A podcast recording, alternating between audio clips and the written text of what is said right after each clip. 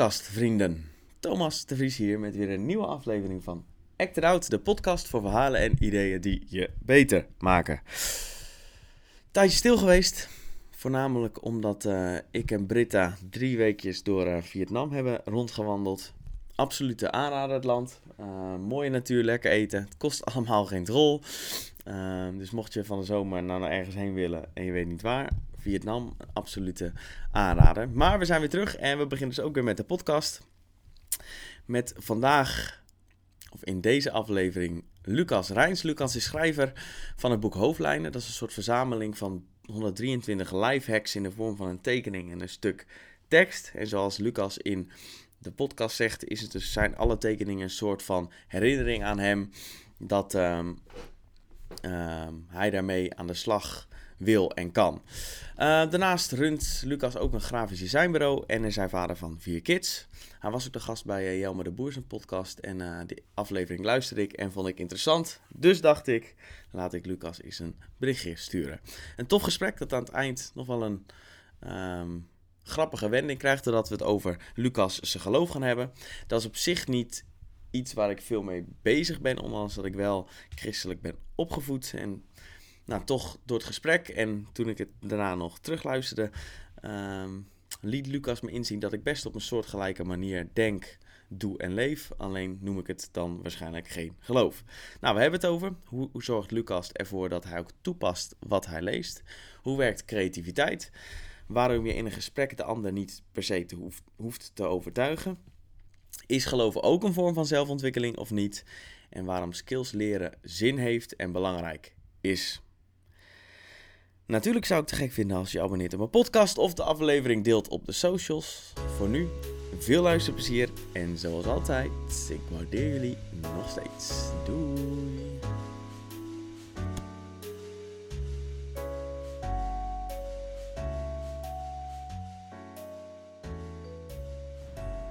Ben je er klaar voor? Ja. Ja? Ja, hij loopt natuurlijk al een kwartier. Nee, nee, hij is uh, nu echt wel... Jelmer doet dit wel, hè? Die uh, laten we gewoon lopen. Bij Jelmer die, uh... zat ik inderdaad even van... Zijn we nou... nee, ja. Is er nou iets voor de luisteraar? We zitten bij Barbeton. -hmm. en die heb jij deels ontworpen. Zie je hier nou nog elementen terugkomen van wat jullie ontworpen hebben? Ja, mijn, nou, vooral mijn uh, compaan Robert is hier heel druk mee geweest. Dus als ik in deze ruimte om me heen kijk, dan zie ik uh, achter jou een, uh, een groot bord met, met het logo dat je goed kan zien. de bestikkering hier, wat in kaart is van Utrecht.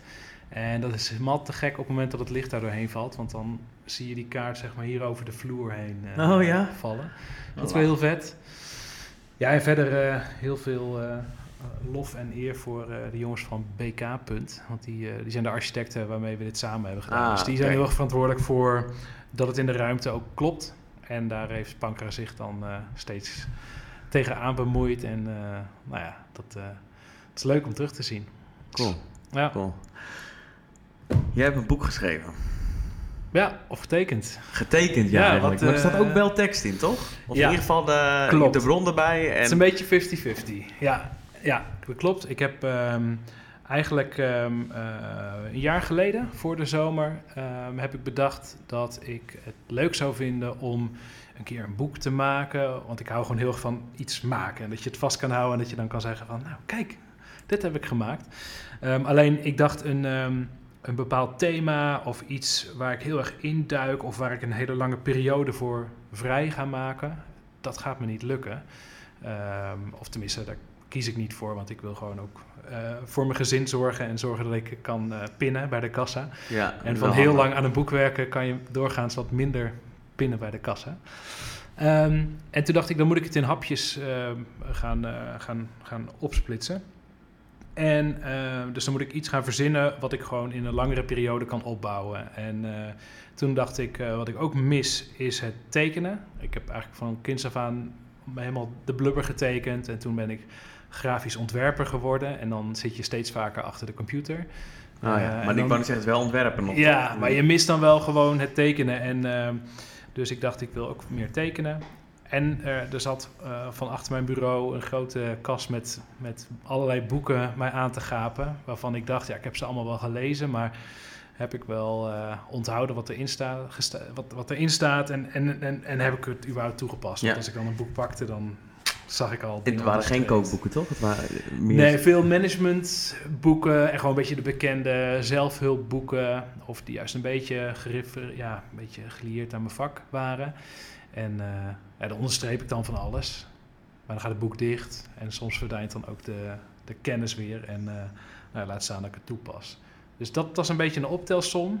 En die ingrediënten samen, nou ja, die, uh, die zijn we een beetje gaan pruttelen.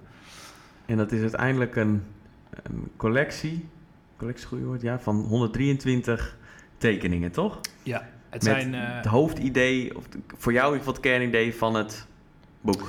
Ja, het zijn, uh, het zijn 123 uh, life hacks.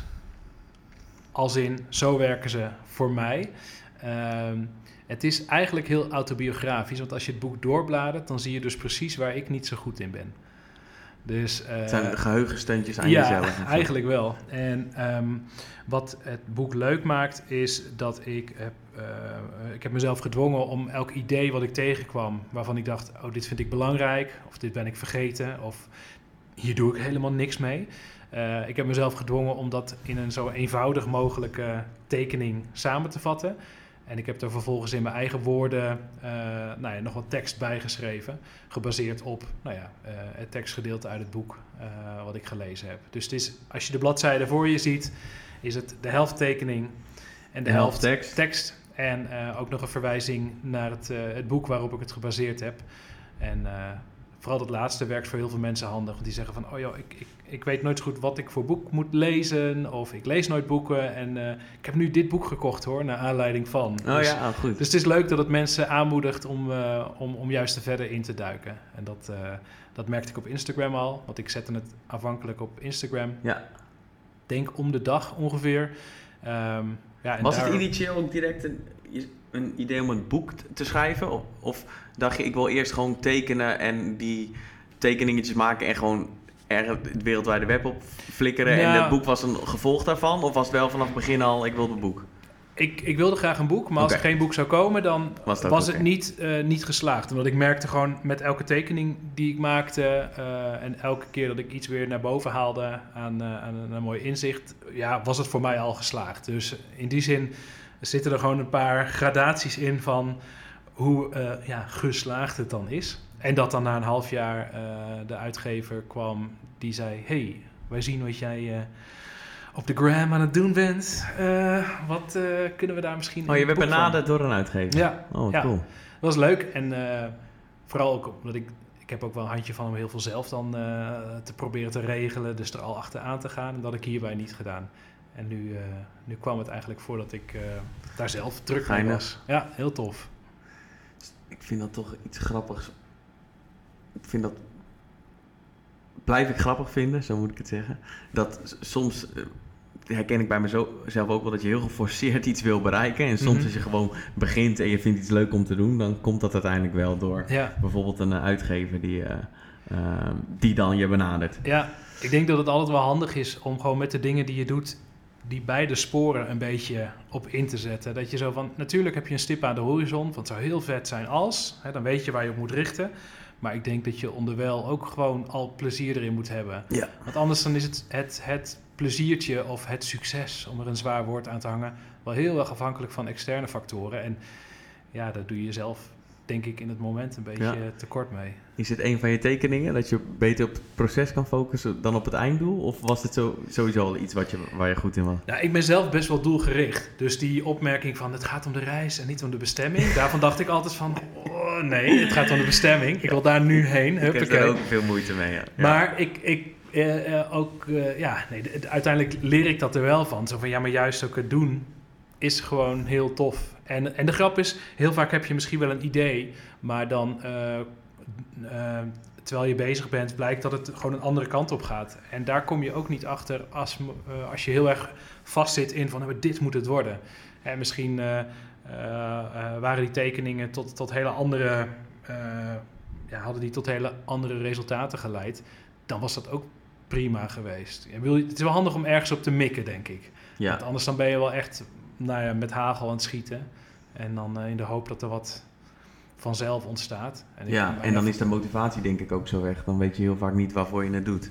Als je geen stil op de horizon hebt. Nee, dus die, die punten die ik net noemde, dat was vanaf het begin van... oh ja, daarom wil ik dit doen. Ik wil graag tekenen. Ik wil graag uh, kennis die weggezakt is voor mezelf ophalen. Uh, ik heb een, een achtergrond in het onderwijs. Dus ik vind het ook eigenlijk stiekem wel leuk om voor zover mensen daarop zitten te wachten, ze wat bij te brengen. en ik vind het leuk om een fysiek product aan het eind te hebben. Nou ja, kijk maar even wat het dan eh, wordt. En, ja. maar dat was dus, aan het begin was het een boek, maar het had ook een, I don't know, iets anders kunnen zijn. Ja, ik denk het wel. Ehm, dat, had het van, dat had het kunnen worden. Ehm, maar uh, ik had zelf al wel gewoon gedacht van, oh ja, een boek is wel leuk, een ja. dat, uh, dat soort dingen. Ja, sowieso. Waar ik nieuwsgierig naar was toen je, ehm, toen ik kreeg te horen over je boek, dacht 123 tekeningen. En je zei van dat nou, ze waren dingen die weggezakt waren uh, uit boeken die ik toch al gelezen had. Heeft het bijgedragen? Dus het tekenen ervan en ermee bezig zijn om het vervolgens niet te vergeten en ook daadwerkelijk toe te passen? Ja, ja, zeker weten. En het grappige is, ik heb, ik heb heel veel, bij heel veel projecten, op het moment dat ik ze uh, af heb, dan ben ik er zelf helemaal zat van. Of dan, uh, weet je, als ik dan met mijn band vroeger een CD maakte, dan moet je soms nog wel heel erg uh, je best doen om als het uitkomt dan nog weer een keer gas te geven. Want in principe is voor jou het hele proces, het hele creatieve is al geweest. En ik merk bij dit boek um, dat uh, als ik er doorheen blader, dat ik, en dat komt omdat het dus niet mijn eigen ideeën zijn. en, en dat ik telkens toch weer denk van, oh ja, dit is, dit is een, goed, een goed idee. En dit is iets wat ik, wat ik toch meer handen en voeten zou, uh, zou moeten geven. Zo. Dus ik denk dat als hij zo meteen af is en hij valt op de mat, dan uh, dat ik er net zo blij mee ben als, als, een, als een ander die hem koopt. Ja, oké. En um, ik, volgens mij zit er een heel groot verschil tussen kennis en wijsheid. Ja. Ik ken het bij mezelf ook wel, dat ik dan heel veel boeken lees, maar er vervolgens echt niks mee doe. Volgens mij is dat niet echt handig en dat had jij ook wel een beetje als ik het zo hoor. Mm -hmm. um, hoe zorg je ervoor? Nou, die eh, tekening is een manier om te zorgen dat je, er wat, dat je het wat beter begrijpt en ook misschien toepast. Heb je nog meer dingen die je doet om te zorgen dat dat wat je leest, dat je er ook daadwerkelijk wat mee doet en het niet alleen lezen blijft? Um, ja, wat, wat mij helpt is om, er, uh, om mezelf te dwingen om er acties van te maken. Dus um, ik wilde eigenlijk wel heel graag liedjes schrijven. Um, nou, dat is dan een idee, leuk. Maar uh, toen dacht ik, ja, en dan? Gaat dat dan vanzelf gebeuren? Nee, uh, dan ben ik gewoon op de maandag, vanaf januari staat er in de maandag uh, een blokje liedjes schrijven in mijn agenda. ik heb het geen één keer gedaan. Moet ik er wel bij zeggen. ik, ik, ik, dacht dat je nu ging zeggen, ja, toen heb ik vanaf toen... Heb ik nee, maar wat er wel gebeurde, is, het was voor mij wel veel meer on top of mind. Zo van, oké, okay, oh ja, dit vind ik belangrijk. En elke keer als het, het blokje voorbij is en je hebt het niet gedaan dan is het een heel goed moment om te bedenken van... oké, maar wil ik dit dan eigenlijk wel? Um, maar wat bij mij gebeurde is dat er, uh, dat er een opdrachtgever langskwam... die producer is en die exact in het genre wat ik fantastisch vind... Uh, heel goed albums kan opnemen. En uh, dat ik dat ineens herkende als van... oh ja, maar ik wilde dus liedjes schrijven, ik wil iets met muziek... en waarschijnlijk gaan we komend jaar twee nummers opnemen... met mijn band van vroeger... En dat is dan niet precies dat uh, liedjes schrijven elke maandagmiddag. Maar omdat de focus er wel meer was van... hé, hey, maar dit wil ik eigenlijk. Ik denk dat ik het zo ga doen. Maandag een liedje schrijven. Nou, dat werd hem dus niet. Maar dan op een andere manier ja, heb je het wel meer in beeld. En dat geloof ik wel. Dat als je dus die stip aan de horizon zet... Nou, het is de vraag of je daar precies uitkomt.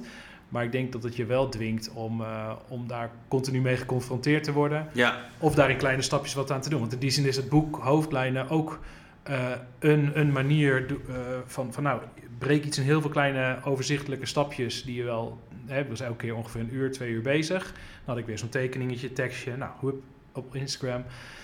Um, aan het eind heb je dan toch iets. En dat... Ja. Stapelt op, al die kleine... Ja. Oké. En heb je dan, uh, heb je dan ook momenten dat je. Want een actie eraan koppelen is één ding hoe je het dan toepast. Dus je, je leest iets of je wil iets en dan zeg je, nou, dan ga ik ermee bezig. Ja.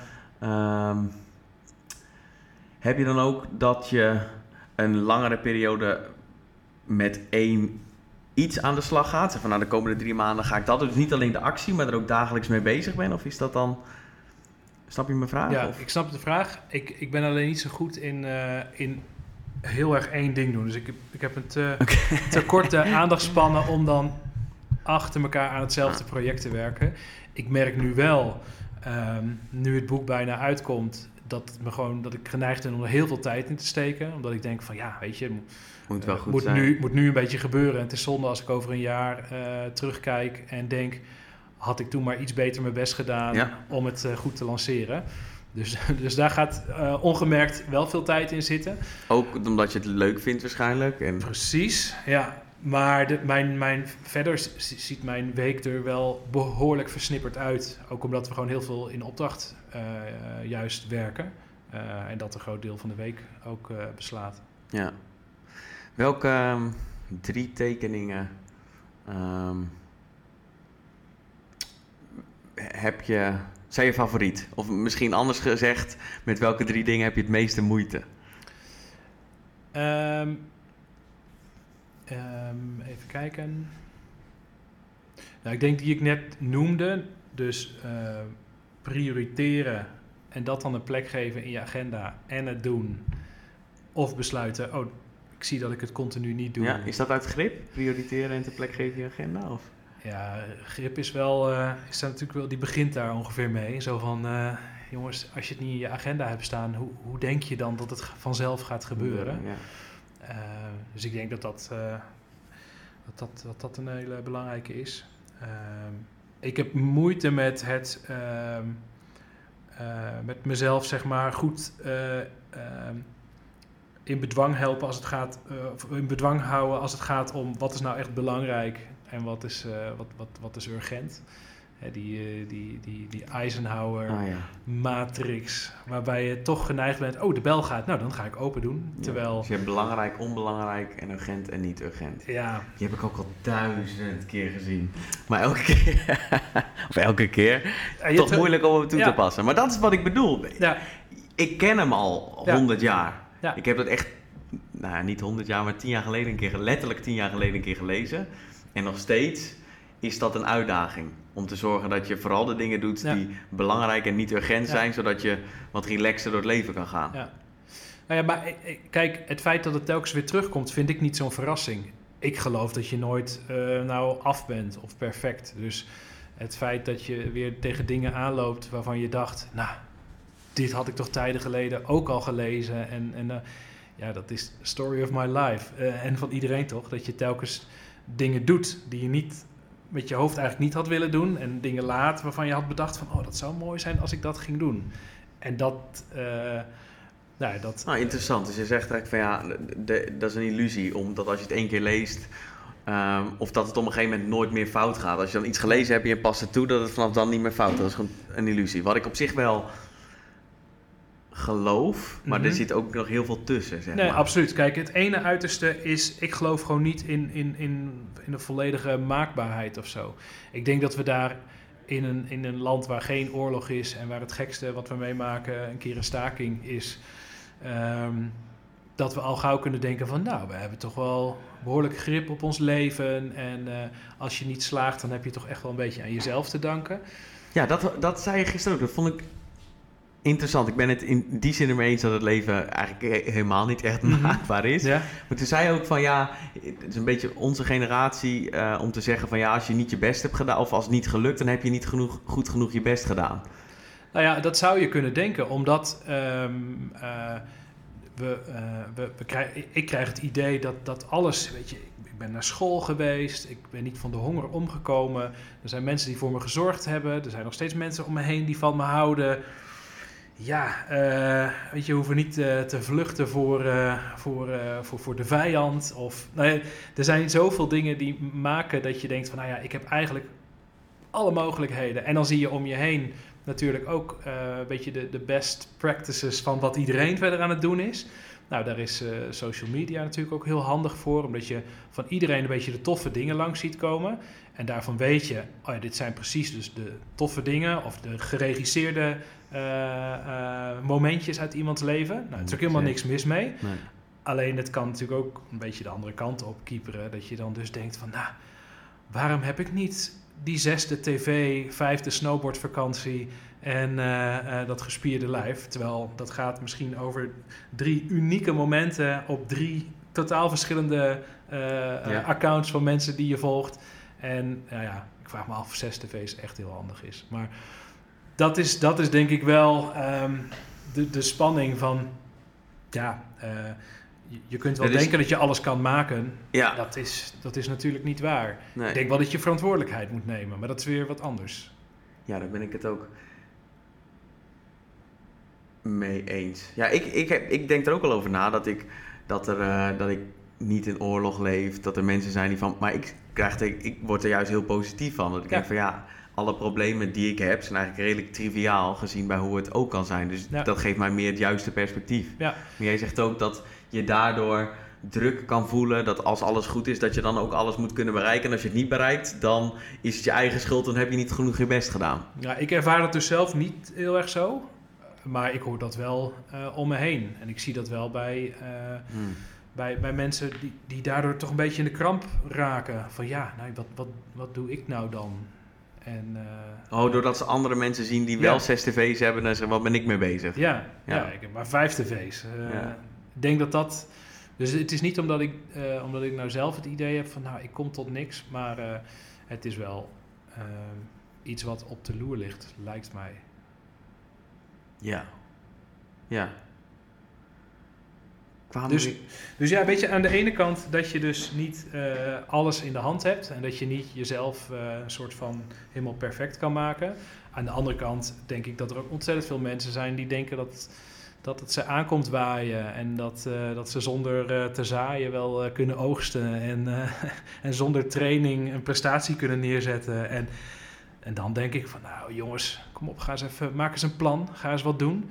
Want je, je doet jezelf tekort, je doet je talenten tekort, je, je, nou ja, je, je, je vergooit je tijd. Ja. Uh, dat, dat, dat, ja. dat gevoel heb ik wel, is dat ik denk van, jongens, dat... Uh... Gek hè, dat, uh, dat, dat we met z'n allen denken dat we door alleen maar korte termijn dingen te consumeren en feestjes en dat we daardoor voldoening krijgen. Ik denk er ook heel veel over na. Mm. Dat, volgens mij is dat niet zo. We komen zo nog op terug. Ehm, dan leid ik hem ook in en dan hebben we het er wat uitgebreider over. Volgens mij hadden we drie tekeningen. Eén van prioriteiten en in agenda. Ja, ja en dan is die uh, uh, inderdaad wat, wat, wat is belangrijk uh, en wat is urgent. Ehm, ja, en wat ik, um, juist omdat ik het heel tof vind van oké, ik ben nu hier, ik wil daar naartoe. Dan heb ik het liefst dat ik in één streep er naartoe ga. Dus oh, heel doelgericht. Dat tekening. Terwijl eigenlijk um, leer je veel meer ja, door fouten te maken of door uh, ergens op terug te komen. En dat is ook iets wat ik wel lastig vind. Ik heb liever dat ik uh, gewoon heel doelgericht zo hup, van A naar B. Staat zelfs op de cover uh, van, van het boek. staat linksboven een A en rechtsonder een B. En dan bam, één streep er naartoe. Ja, dat is ook wel een beetje een knipoog naar mezelf. Zo van ja, zo werkt het natuurlijk niet. En er staat een tekeningetje in het boek waarbij die lijn echt van botsing naar botsing naar botsing. En daardoor veel meer eigenlijk te zien krijgt, veel meer meemaakt. En misschien uiteindelijk wel op een andere plek uitkomt. En dat, uh, dat vind ik zelf wel lastig. Maar ik denk als je, dat, uh, nou, als je zelf dat, dat gunt, dan uh, levert dat wel veel meer op. Ik vind de insteek wel cool. Dat je gewoon zegt van ja, er zijn 123 tekenen eigenlijk voor mezelf. Als reminder dat ik, deze, dat ik hier moeite mee heb. In plaats van, uh, oeh, ik heb iets bereikt en ik ga vertellen hoe jij dat ook kan doen en hoe de wereld in elkaar steekt. Dus nou, ik vind deze insteek top. Oké. Ja. En de laatste? Um, even kijken, wat zou leuk zijn? Ja, ik zag, ik zag er eentje van, uh, twee zag ik er. Uh, van Jelmer van nuance, toch? Ja, ik weet niet welke tekening het was. Een trom, ja. zo'n ja, dat is, dat speaker. Is, ja, ik had, ik had uh, een Jelmer de Boer nagetekend. Um, oh ja. Die met een heel groot bord staat waarop staat nuance. Um, dat en, dat is, en dat is, um, dat, ik weet niet meer uh, op welk boek dat gebaseerd was, maar het is soms heel makkelijk om heel stellig iets te roepen en daar dan met je volle gewicht uh, tegenaan te gaan hangen. Terwijl vaak ja, zit de waarheid een beetje in het midden. En dat is natuurlijk iets minder makkelijk te verkopen. Dus je hebt nooit uh, demonstraties waarbij eh, de boeren de weg op gaan en zeggen van nou, maar de waarheid ligt ook wel in het midden. Nee, dat gebeurt niet. Nee. Ja, maar is dat iets waar jij ook moeite mee hebt eh, dan? Ja, want ik denk, ik denk dat ik steeds meer leer om genuanceerd te zijn. En Ja. dat, eh, ehm, dat ik eh nou helemaal vanuit mijn tiende tijd wel echt dacht dat ik precies wist hoe het allemaal zat. en dat ook Ja. niet zou nalaten om anderen dat eh, onder de neus te eh, wrijven. Daar moet ik wel erg van terugkomen. Ja. Ja. ja. Is dat dan ouder worden? Dat je gewoon genuanceerder wordt? Je wordt grijs letterlijk, maar je Ja. wordt ook gewoon grijzer in je denken. Ja, en ik, ik zag het wel aankomen. En ik zag dat in, op die leeftijd bij andere mensen. En dat vond ik dus ook echt verschrikkelijk. Ik denk, wat een laf eh, mensen zonder overtuigingen en zo. En daar ben ik het zelf. Ja. Of geen mening hebben. Ja, nou ja, over heel veel dingen heb ik... Heb ik, eh, ik heb over heel veel dingen geen mening, omdat ik er gewoon geen eens verstand van heb. Ja. En dat ik denk, ja, moet ik nu hier eh, wat van vinden dan? Ja. Ja. Ik kan wel wat roepen, maar... Ja. Ja, ik heb met deze hele... Ik wist, ik kijk geen nieuws, dus ik wist tot een week geleden niet van de hele boeren Ja, ehm heisa. En nu ook in een paar appgroepjes. eh, voor de luisteraar, de, de, de boeren zijn allemaal weer in hun trekkers de, de weg op gegaan. Dus vandaar dat we het er nu over hebben. Van ja, het zijn, eh, de ene zegt van oh, die boeren ja, die moeten nou eens geholpen worden. En de ander zegt eh, over, eh over gesubsidieerde leiers of zo, weet ik Ja, wat ze allemaal ja. zijn. Ik denk, ja, ik heb echt... Ik heb echt geen idee. En ik Nee. heb eigenlijk helemaal geen zin om erover... Nee. over- en dat is ook wel eens lekker. Ik heb ook nog wel de... Herken je dat? Dat als je ehm, niet een discussie hebt, maar als je met iemand in gesprek bent en je hebt allebei een andere mening, dat je dan automatisch de ander wil overtuigen. Terwijl dat hoeft helemaal niet de, het doel te zijn van waar je het over hebt. Je kunt het prima met elkaar oneens zijn en nog steeds Ja. een hartstikke goed gesprek te hebben. ja. ja, en dan is het hoogst haalbare dat je elkaar misschien iets beter begrijpt. Ja, of je, je inzicht iets aanpast. Ja. Ja. Ja, misschien is het wel beter om een discussie in te gaan met de gedachte, nou ja, wat, wat kan ik ervan leren? In plaats van, eh, nou, hoop dat die ander eens wat van mij opsteekt. Eh, en andersom is vaak toch een beetje wat stiekem de gedachte is. Van, Ja. nou, nu zal ik het eens even goed uitleggen. ja. En dan... eh, Wat een soort ego-dingetje is van, oeh, nu heb ik die persoon overtuigd. Ja, ja, ja ik, ik geloof dat mensen heel slecht zijn in het overtuigen van andere mensen. Ja. Ja. Ja, dat klopt. Ehm, ik heb een vraag over je over creativiteit. Of aan je over creativiteit. Oké. Kun je mij vertellen hoe dat werkt? Ehm, nou, er is zo'n zo'n cliché-uitspraak van eh, het is eh 1% eh, inspiratie en 99% transpiratie. En daarmee bedoelen mensen vaak te zeggen van ja, je kunt wel daar heel verheven over doen dat je ineens een fantastisch idee had en toen ging je het maken. Ehm, voor heel veel eh, creatievelingen is het gewoon heel veel maken. En, eh, en op een gegeven moment ontdekken dat iets heel goed is geworden. Eh, Ja. En ik denk dat er heel verschillende insteken zijn. Als ik zie naar mijn, mijn, mijn compagnon Robert Jan en, en ikzelf zijn we daar al heel verschillend in. Hij is veel meer ehm, eh, dat hij heel veel dingen wil proberen en ook nou ja, best wel aan het eind van het proces aandurft om het toch nog weer eens op een hele andere manier te bekijken. Ehm, en dat, dat zorgt voor veel meer gelaagdheid en, en voor een veel eerlijker kijk naar het proces. En ik ben juist veel meer van, oké, eh, doelgericht, wat gaan we maken? En het en proberen heel erg eh, georganiseerd te, te creëren. Ja. Dus met een soort stapjes terug vanuit het doel. Zo van, oké, dan betekent dat dit voor de kleuren, dan betekent dit voor de vormen, dan betekent het dit voor... dit, dit, dit, dit. Ja, ja, ja. En uiteindelijk denk ik dat je van beide dus wat nodig hebt. Maar als je het dan hebt over creativiteit, dan denk ik, ja, dan moet uiteindelijk... eh, eh, ja, zul je tijd moeten nemen om gewoon iets te maken. Dus je moet gewoon, je moet gewoon hard werken. Ehm, en aan de andere kant ehm, alleen maar doorwerken ehm, en niet even afstand nemen, Hm. maakt denk ik dat je niet geïnspireerd bent en niet met eh, nieuwe dingen komt.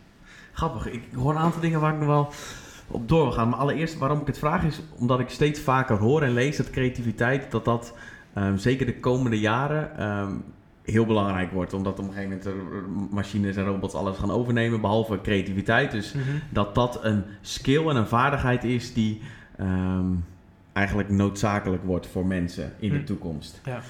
Toen hoorde ik je net twee dingen zeggen. Ja, enerzijds ehm, gewoon veel verschillende dingen proberen. Dus de flexibiliteit hebben om dat te doen. Mhm. Of de, misschien is het niet flexibiliteit, maar de durf of zo om dat te doen. En dan ook nog aan het eind misschien een totaal andere kant op gaan. Ja. Als ik die twee dingen hoor, dan denk ik bij mezelf van ja, dat, dat zou ook iets zijn waar ik moeite mee heb. Want ik ben ook wat toegerichter zoals jij.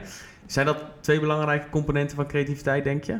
Gewoon beginnen zonder echte uitkomst voor ogen te hebben. Ja, En ook aan het eind nog kunnen zeggen van oké, volgens mij kan het beter, dus ja, 180 graden veranderen. ja. En ik denk dat daarbij nog het verschil is ehm, wat de deadline is. Want, want op het moment dat jij iets voor een ander aan het maken bent en je belooft dat het dan en dan af is, Ja, ja, dan moet je verdorie ervoor zorgen dat het dan af, Af is. is, Dus. En ik denk wat daarin ook nog interessant is, is dat je voor jezelf een bepaalde. ehm, eh, voor je gevoel heb je een soort objectieve norm van wanneer iets goed is. Eh, laten we zeggen dat dat dan 100% is. En je bent altijd aan het werken, dan zit je, dan zit je zeg maar op 80% en dan die laatste 20%, daar kan je dan knetterveel tijd nog in gaan steken. ja een beetje 80-20 principe. Nou, wat ik echt wel geloof is dat wat voor mij 100% is, eh, hè, als, je, eh, als je mijn tekeningen in het boek bekijkt, nou, dan, eh, dan zijn er eh, talloze illustratoren die dat veel beter kunnen. Voor mij is het nou ja, het beste wat ik dit jaar kon doen. Dus voor mij is het 100%. Voor een ander zou het misschien 30% zijn. En voor iemand die nog nooit een potlood heeft vastgehouden, is het 400% van wat hij ooit zou kunnen. Maar ga Dus- je dan, zeg je dan wel dat je altijd doorgaat tot de 100%? Of zeg je 80% is oké? Dus ook als je naar je tekening kijkt en denkt van, hmm, ik ben niet helemaal tevreden, gooi je het dan alsnog uit? Of gebruik je het dan alsnog? Of ga je wel echt door tot je 100%? Jij wil die 20 extra die heel veel moeite kosten, die wil je ook altijd doen. Ik denk als je, als je net van school komt en je denkt zo, ik ga nu lekker voor de volle 80% er tegenaan.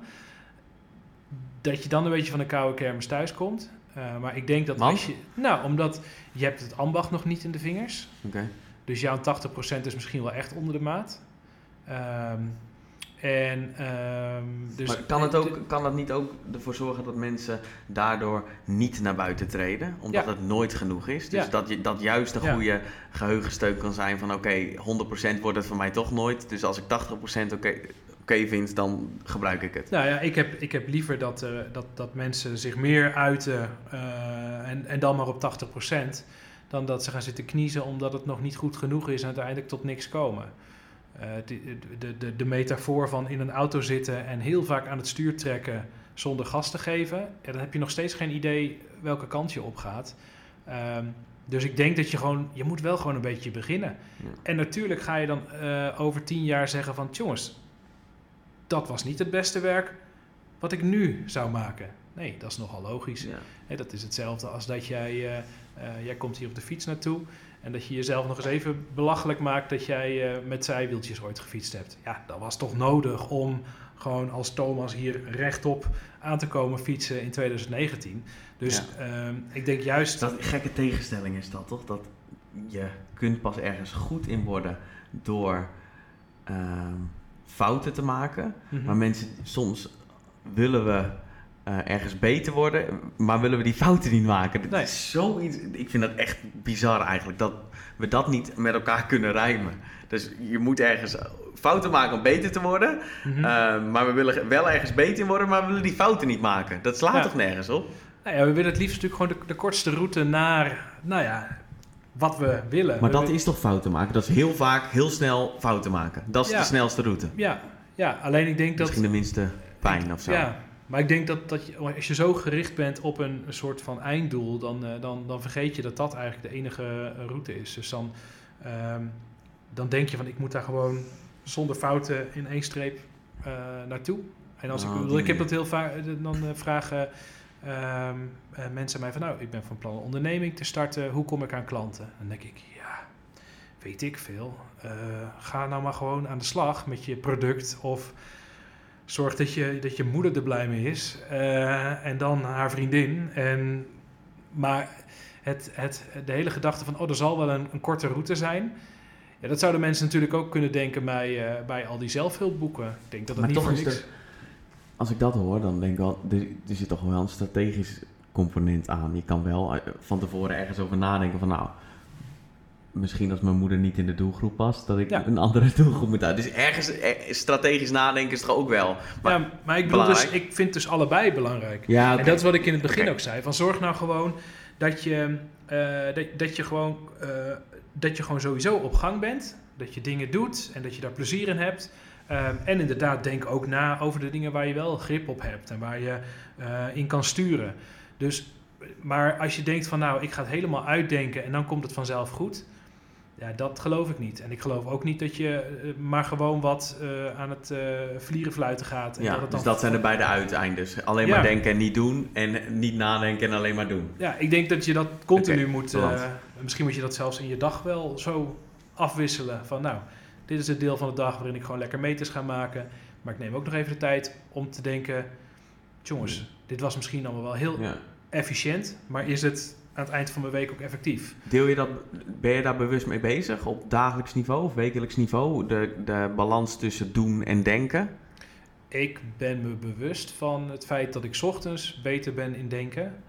Nou ja. Ehm, en dat ik smiddags ehm eh beter mijn, mijn energie kan steken in dingen doen en Oké, maken. dus meer op energieniveau kijken van oké, s ochtends Ja. doe ik mijn denkwerk en smiddags ben ik Ja. wat meer met praktische dingen bezig. Klopt. Oké. Interessant. Eh, ik... Qua energieniveau ben ik ook 's ochtends beter. Dus dan zorg ik ook dat ik mijn, eh, ehm, nou niet zozeer mijn denkwerk doe, maar degene waar ik de meeste weerstand voor voel. Oh ja. De taak, ook een beetje eat the frog eh, idee. Heb je dat maar vast gehad? Ja, en ik merk echt een 100% verschil. Ik kan het één op één de dagen aanwijzen als ik bijvoorbeeld 's ochtends een wat makkelijke taak doe. eh, dan zijpelt dat toch de rest van de dag door. Waardoor ik aan het eind van de dag niet die grote taak, doe ik niet de energie meer voor, eh, niet het momentum. Aan de andere kant, als ik 's ochtends mijn meest, de taak doe met de meeste weerstand, dan de rest van de dag heb ik Ja. meer momentum en dan gaat alles makkelijker. Ja. Maar ik vind het wel interessant dat je zegt van nou, volgens mij is de balans tussen strategisch nadenken en ehm, gewoon doen. Mhm. Maar dat, daar, dat het ook belangrijk is om daarover na te denken gedurende een x-periode. Nou, het verbaast me dat ik, ik doe dat dus dan te weinig. Ehm, en dat komt omdat de dingen die eh, op mijn agenda staan, of die een appel op mij doen, of de opdrachtgevers die een appel, die voelen altijd ehm, eh, belangrijker. Terwijl, ehm, nou ja, eh, om maar iets te noemen, laatst vroeg een opdrachtgever aan mij van, oh, maar doen jullie ook vormgeving? Dus die had niet in beeld dat Pankra eigenlijk gewoon vooral een creatief vormgevingsbureau is. Maar die zag dus alle side projects en die dacht, eh, die, had, die had helemaal niet meer in beeld dat, dat, eh, die, De dat kern van wat deden. jullie doen. Ja. Dus dan ga je je wel afvragen van, hey, hoe zit dat eigenlijk met hoe we overkomen? Ook simpelweg, hoe maken wij reclame voor onszelf? Ja. En Als hoe je onze tijd spendeert. Ja, Ja. nou ja, en, en dan, eh, dan helpt het maar zo om gewoon een half uur ehm, eh, eh, met z'n tweeën even daarover na te denken. En dan heb je ook weer heel snel wel weer dingen boven water en kan je er heel snel acties aan verbinden. En weet je van, oh, dan moeten we dit even op de site en dan moeten we dit op de socials en dan moeten we in de agenda iets meer zo en we moeten even afspreken om nog dit door te praten. Dus dan, als je dat dan even doet, dan heb je ook zo snel dingen weer op de rit. Ja. Maar blijkbaar, ja, in de haast van de dag heeft dat niet zo snel prioriteit. Ben je van nature meer iemand die gewoon gelijk begint? Of die eerst heel lang nadenkt over wat we allemaal kunnen doen? Je zei dat je wel doelgericht was, maar dat zegt nog niet zo heel veel over meer een denker of een doener ben. Nee, ik, ik doe eerst en dan ga ik daarna eh, vaak nadenken. Oké. Dus is het dan voor jou ook belangrijk om vaker een stapje terug te doen en na te denken over hetgene wat je doet wat juist is? Of Ja, ja, ja. Het is eerder zo dan dat ik dus alleen maar heel veel nadenken? zit te denken Ja. en dat er niks uitkomt. Grappig. Breng me gelijk naar het volgende. Ehm, want ik heb natuurlijk enigszins onderzoek naar je gedaan. Nou, je, je, hebt- je schrijft een boek. Ehm, je hebt een creatief of grafisch designbureau. Ja. Is, zeg ik het zo goed? Pankra? ja. Pankra. Jullie hebben ook je eigen shop met allemaal artikelen. Ja. Zag ik dus volgens mij ben je met veel dingen bezig. Je hebt ook nog een gezin van vier kinderen. Dus Ja. dat zal ook nog enigszins eh, tijd Ja. en aandacht Ja. maar wat ik zo interessant aan vind, is dat je gewoon heel veel verschillende dingen doet. Ehm, en wat ik daar nieuwsgierig aan vind, is dat blijkbaar begin je gewoon, doe je gewoon dingen. Ja. Ehm, en bij mezelf, en ik herken dat ook wel bij eh, luisteraars en mensen die me berichtjes sturen, dat juist beginnen met dingen, starten van dingen, dat dat moeilijk is. Ehm, als je, mijn eerste vraag is, als je ehm, met iets nieuws begint, wat zijn dan je eerste gedachten daarbij? Of als je iets bedenkt om te gaan doen, wat denk je dan? Ehm, nou, ik, ik probeer me voor te stellen hoe het zou moeten eh, worden. En omdat ik vormgever ben, kan ik dat ook heel snel uh, een plaatje bij maken. Dus um, nou, als ik een, een, product bedenk of zo, of uh, een, een bepaald idee, dan helpt het mij om dat zo snel mogelijk te visualiseren. letterlijk met een schemaatje, hoe dat zou moeten werken, of een schetsje van hoe het eruit ziet. Um, en om dan te bedenken van oké, dat is dus blijkbaar wat ik wil. We zijn nu hier. Nou, hoe kom ik daar dan? Oké, dus de eerste stip op de horizon. Maar als je bijvoorbeeld een boek schrijft, volgens mij heb je dat nog niet eerder gedaan. Niet dat ik weet in ieder geval. Heb je dan nog gedachten als uh, ik een boek schrijven? Hoe, hoe. Uh... Nou ja, in het, het voorbeeld van een... Kijk, wat heel... je zegt van ja, je doet wel heel erg veel. Um, het is ook niet helemaal eerlijk, want juist in het werk wat wij doen, doen we voor heel veel verschillende soorten opdrachtgevers. En daarmee proef je aan zo ontzettend veel ehm, producten, bedrijfstakken en zo, dat het ook maakt dat je op heel veel dingen, dat je een beetje in beeld krijgt van, oh ja, zo werkt dat hier, zo werkt dat daar. Nu zitten we in Barbeton. Hè, dus dat hebben we vanaf het begin hebben we dat meegemaakt, hoe dat groeide, welke keuzes die jongens maakten. En ja, dan, dan heb je daar natuurlijk niet zoveel verstand van als de opdrachtgever in kwestie. Maar uh, het is wel uh, een basis geweest waarop mijn compagnon Robert nu zelf een lunchroom in Alfa aan de Rijn heeft geopend. Met diezelfde architecten en met de ervaring die we voor opdrachtgevers mm -hmm. hebben gedaan. Dus het is ook juist omdat we gewoon heel veel dingen al hebben gezien, dat je dan denkt: oh, oh ja, natuurlijk, zo, zo zou je dat kunnen doen. Dus misschien ook met een iets wat een bord voor ons hoofd. Um, dat helpt ook wel. Ja, dus je, je ziet het, dat, daar geloof ik wel in, dat als je het iemand anders ziet doen, dat het dan wat meer realiteit wordt. Je denkt, ja. oh oké, okay. dus dat gaat zo, dan zou ik het ook wel kunnen proberen. Ja. En word je, word je dan wel eens tegengehouden door wat gelimiteerde gedachten of zo? Dat je denkt van, nou, dat kan ik niet, of uh, hoe moet dat, of uh, dat kan ik niet leren, of zijn dat nooit gedachten die door je hoofd... Nou, ik heb, um, ik heb heel lang heb ik, gedacht van ik betrek zo min mogelijk mensen in dingen die ik doe. Dus ik maak het gewoon helemaal en dan zien ze het wel als het af is. Daar want? kwam nou, dat vond ik vooral uh, gedoe, want dat remde me in mijn beleving. Of dan uh, vond ik de verrassing ervan af. Ik vond het heel leuk om dan. maar omdat mensen dan zeggen van, zou je dat al doen? Of ja, huh, dit ja. lukt toch niet? Of ja, precies. dus dat ik dacht van, nou, ik ga het wel gewoon doen. En dan, en dan zal, ik, zal ik wel even laten zien dat het wel kan. Um, maar jij hebt zelf dat dus niet zo? Nou ja, toen, maar toen dacht ik, uiteindelijk dacht ik van ja, maar dat is natuurlijk, dat is natuurlijk uh, heel stom. Want juist, hè, wat, al die, je moet zo snel mogelijk een fout maken, want dan kan je ervan leren. En dat is ook heel erg waar. Dus ik, met de afgelopen jaren heb ik juist steeds vaker in het beginstadium mensen erbij betrokken van nou, reageer eens, reageer eens. Ja, en nu kom ik er toch steeds weer een beetje meer op terug. Dat ik denk, ja, ik ga toch, ik ga toch weer meer dingen gewoon helemaal zelf doen. Want alles, nou ja, eindeloos overleggen en iedereen's mening. Ik mag er ook wel langzamerhand op vertrouwen dat ik zelf snap hoe dingen werken.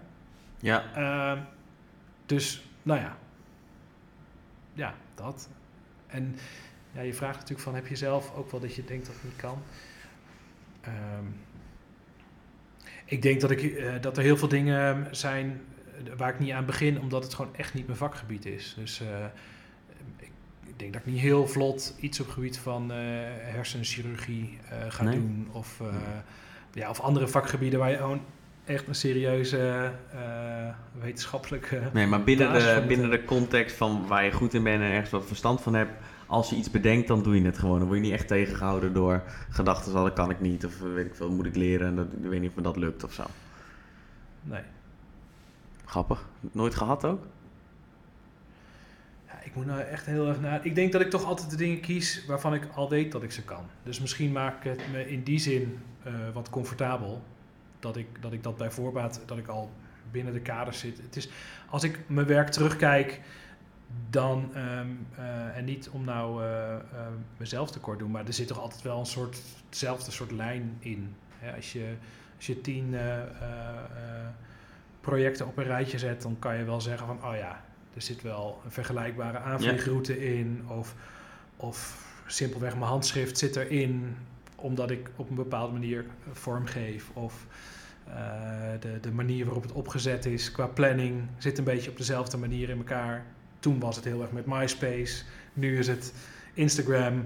Uh, ja, de middelen zijn misschien een beetje anders, maar Ja, dus, in principe hetzelfde. ja, ik heb het idee dat er een rode lijn. En ga je dan, want je zegt, zijn wel, ik heb wel voornamelijk dingen gedaan die binnen mijn competenties liggen. Ga, ga je dan nog regelmatig buiten, je- buiten je comfortzone? Was dit boek iets uit je comfortzone of was er nog steeds iets binnen? Mm, nou, ik kreeg bijvoorbeeld ehm, eh, door hele goede redactie kreeg ik dus heel veel eh, correcties op spelling, waarbij ik mezelf wel verbeeldde dat ik toch het al wel redelijk netjes op papier had staan. Dat eh, vond ik wel confronterend. Zo van, oh man. Hoe is, dan je, hoe is dan je interne dialoog? Wat zeg je dat tegen jezelf als je, als je wordt gecorrigeerd met heel veel taalfouten? Nou, dan ben ik blij dat, dat, dat, dat het in de laatste paar dagen voordat het naar de drukker is, eh, eh, boven water komt. Want, nou ja, weet je, dan, de eindstreep is toch in zicht, dus het komt wel goed. Maar ik denk als ik, eh, als ik zelf een uitgever had moeten benaderen en die had eh, ja, heel erg op die spelling bijvoorbeeld gezeten, misschien was ik dan wel, had ik dan al wel gedacht van, nou ja, ik, eh, ik haak maar af of zo, want er, vallen nu wat deuren dicht eh, of dit kan ik echt niet. Of, denk ik. Ja, ja. Grappig. Ehm. Oké, dus als je iets start, heb je dan ook, eh, dat ik- ken ik bij mezelf wel, dan start je iets met heel veel energie en op een gegeven moment appt dat energie weg. Ja. Is dat een punt waarop je ook vaak stopt met een project of ehm, maak jij het dan vaak nog wel af? Het, het is een moment waarbij ik hoop dat er, dat, dat, er genoeg andere mensen ook bij betrokken zijn die, die dat wel goed kunnen. Ja, dus die, die zeggen van, nou, maar hier ga ik de schouders onder zetten, dit, dit gaan we verder uitrollen. En dat zit natuurlijk altijd ehm, al in, eh, in het werk wat we in opdracht doen. Dat is vaak heel erg projectmatig, met superveel energie samen, alsof het je eigen kindje is, het helemaal neerzetten.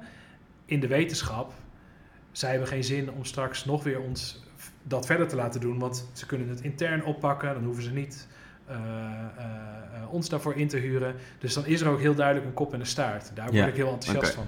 ja. En bij eigen projecten betekent dat dat ik eh, dat of moet incalculeren, dat er een moment is dat het gewoon een beetje weer stopt. Eh, of ik moet bedenken van op welke manier ga, gaan we zorgen dat dit continueert.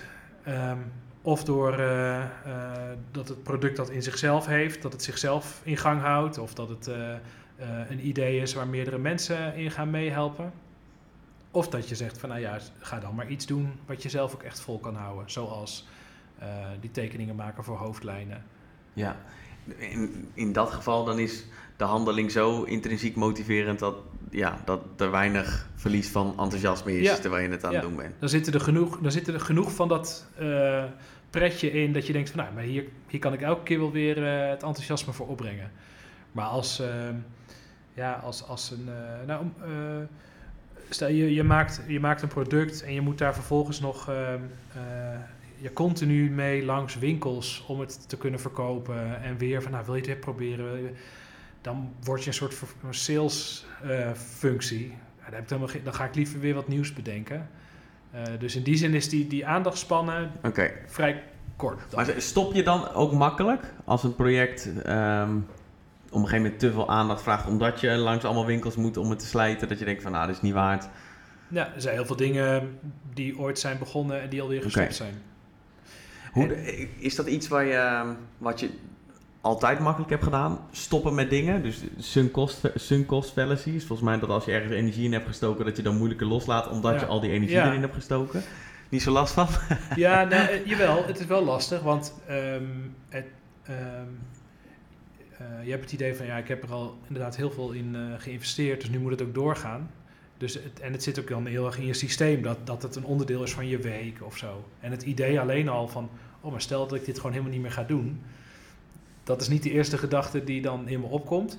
Maar ik moet zeggen dat als het, als het dan zover is, dan denk je een week later ook van, pff, wat was ik hier nog lang eh, druk mee. En wat lekker eigenlijk dat we dit hoofdstuk gewoon nu kunnen afsluiten en weer wat nieuws kunnen doen. Blijkbaar was het gewoon goed voor dat moment. En, eh, want het kan ook zo zijn dat, eh, stel dat het iets is waar, waar een doelgroep voor is en, en, en daar is continu enthousiasme vanuit een doelgroep, dan is dat juist ook weer een, een motivatie eh, om door te gaan. Dat zal jij ook herkennen. Als op een gegeven moment inderdaad alleen je cavia nog luistert naar je podcast, ja, dan ga je toch stilletjes aan spulletjes op marktplaats zetten. Zo van, nou, hey, dit, uh, dit, is nee, klaar. Ja, tuurlijk. Ja. Ehm, en ik denk uh, niet dat je altijd alles voor anderen doet, maar het, het, is, soms is het ook gewoon weer goed als het klaar is. En dan vind ik het niet per se een verlies. En juist ook omdat ik dan denk, gedurende de periode dat het wel relevant was, was het gewoon tof. En ik heb het niet gedaan om er op lange termijn iets uit te willen halen. En tot die tijd is het niet geslaagd.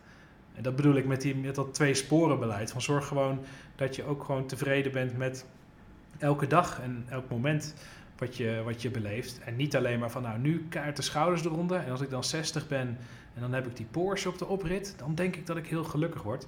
Want ja, dat blijkt natuurlijk uh, uh, voor, voor, heel veel mensen dat niet echt te werken. Nee.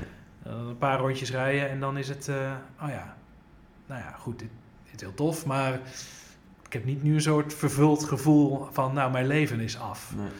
En dat, dan, nee. dan doe je er. En, en, en misschien word je wel niet eens zo oud. En niet om heel pessimistisch te doen, maar ik denk dat, je, dat het gewoon heel onhandig is om alleen maar ehm, energie te steken in dingen die op langere termijn misschien iets oplevert, terwijl je helemaal niet weet wat er dan is. Misschien word je wel ziek, val je Ja. van je fiets. Ja. Eh, Ja, dit is. ehm ik ben het hier volledig mee eens. Dat je, ja, je hebt toch niet zoveel invloed op. Je weet toch niet wat er gaat gebeuren. Dus als je dan je, je dag niet leuk vindt, ja, waar doe je het dan in vredesnaam voor? Ja. Hoe ontspan je? Jij, nogmaals, je doet veel dingen. Ja. Vier kids thuis, ehm, eigen onderneming. ja, ik vind ontspannen vind ik, eh, vind ik echt heel lastig, omdat ik, ik weet niet zulke goede ehm, eh, manieren om dat eh, te doen. Omdat ik, ik, ik, heb, ik haal veel energie uit dingen maken en produceren en zo. En ontspanning lijkt altijd een soort equivalent van, maar dan komt er niks uit mijn handen. Eh, dus dan eh, kan ik wel denken van, ja, nu ga ik eh, naar de, de vlammen in de open haard kijken. En dat is dan goed. Maar dan kriebelt er vooral zoiets van, ja, maar ik, had, ik weet gewoon nog twintig dingen waar ik nu aan verder zou kunnen. Mhm. Of die wel Maar- zoden aan de dijk zetten. Maar dat is een beetje een verkeerde Ja. gedachte in Maar is dat zo? Volgens mij ontspannen is iets doen waar je energie van krijgt, waardoor Mhm. je oplaadt. Ja. Dat kan toch ook zijn dat je gewoon aan het knutselen bent? ja, alleen ik denk dat het wel ehm, iets moet zijn wat, eh, wat, wat anders is dan, je, eh, dan de dingen waarvoor je je inspant. Ah, Omdat er ja, anders toch heel weinig... Dan, dan zit je de hele tijd nog steeds op dat, op dat, dat, dat hoge energieniveau niveau te, te, te rammen. En ik denk Hmm. dat, dat je daar uiteindelijk ook niet goed aan doet. En dat het juist ook goed is om... ehm, nou, dat je even niet wat eh, eh, luistert of nieuwe informatie erin stopt of nieuwe dingen maakt, maar dat het even ongeveer het tegenovergestelde is van wat je gewend bent om te doen. Ehm, ja, je vindt het rust. moeilijk, maar heb je, zijn er wel dingen die je enigszins eh, kunt doen? Ik vind, ik vind lezen vind ik dan leuk. Ehm, waarbij ik dan een handje van heb om dan te denken, maar dan ga ik wel een, zinvol boek lezen. En dat is al een rare gedachte, want eh, ook een roman lezen is voor je hersenen hartstikke prima om je woordenschat wat bij te vijgen. Als je het allemaal zo, zo flauw wil bekijken, zoals ik dan geneigd ben, nou, dan is dat ook heel goed. Want dan eh, kunnen je hersenen, als het een beetje een simpel boek is, dan kunnen zij de boel een beetje opruimen. En, eh, en, en als er moeilijke woorden in staan, dan, eh, dan leren ze nog wat bij. Dus dat is helemaal prima. Het is niet alleen maar zo dat als je inderdaad moeilijke inhoudelijke boeken leest, dat dat dan alleen maar goed zou zijn. Nee. Dus eh, ik, ik ben nu gewoon een roman probeer ik uit te, te lezen over hoe ze een, een boef proberen te vangen. Ik denk, ja, heb ik daar wat aan? Ik weet niet, maar nee. Nou, en volgens mij is het ook een illusie dat iedere minuut hoeft te gelden. Ja. Op een dag. nou ja, dat is, dat is inderdaad ook niet... eh, Ik, ik, ik maak me hier ook echt zo vaak schuldig aan. Alleen dan heb ik maandag tot met donderdag is iedere minuut, heeft iedere minuut gegolden. En dan ben ik op vrijdag niet te genieten. En dan heb ik helemaal geen zin in het weekend. Ja, Nee. dat heeft gewoon dat heeft niet zoveel zin. Nee, of dat je zo ontzettend eh, hard aan het werk bent dat op het moment dat dan dat weekend er is, of dat moment dat je, dat je die omschakeling helemaal niet kan maken. Dat merk ik bij mezelf vaak. Dat het, nou dan, oh, dan is dit je vrije dag. Ja, en nu? Wat moet ik nu doen dan? Eh, omdat het dus, eh, omdat het zo alle kanten op gaat met, met allemaal dingen doen. Eh, ik denk ook dat je je ontspanning, die zul je dus net zo goed een beetje moeten plannen en bedenken. En ook daar wel actief in zijn van, nou, maar waar, waar word ik nou blij van? Is dat Hmm, inderdaad een sport of is het een hobby of moet je... Maar je Nee. zegt je ontspanning plannen. Dus niet een zaterdag leeghouden en dan... Oh, nu ben ik vrij, dus nu in één keer moet alles ik denk dat een zijn. zaterdag, een zaterdag leeghouden is, is dan een vorm van planning. Oké, of dat, we, eh, dat, we, dat, dat we überhaupt zeggen van, eh, dat, dat we in het weekend even een tandje terug doen. Dat is natuurlijk wel handig dat we dat met z'n allen hebben afgesproken. Daarvan zou je kunnen zeggen van, oh dat is heel erg belerend. Maar ik denk dat het juist wel handig is. Want anders dan moet jij dus zelf elke week gaan bedenken van, nou, Ja. welk moment zal ik eens even... En mijzelf kennende, dan zou het continu doorgaan. Dus ik denk dat het wel handig is om ook op het gebied van ontspanning en rust... om jezelf gewoon daar wat structuren in aan te leren. ja. Anders ga je er toch elke keer vanuit dat je dat, je dat in het moment zelf wel even gaat doen.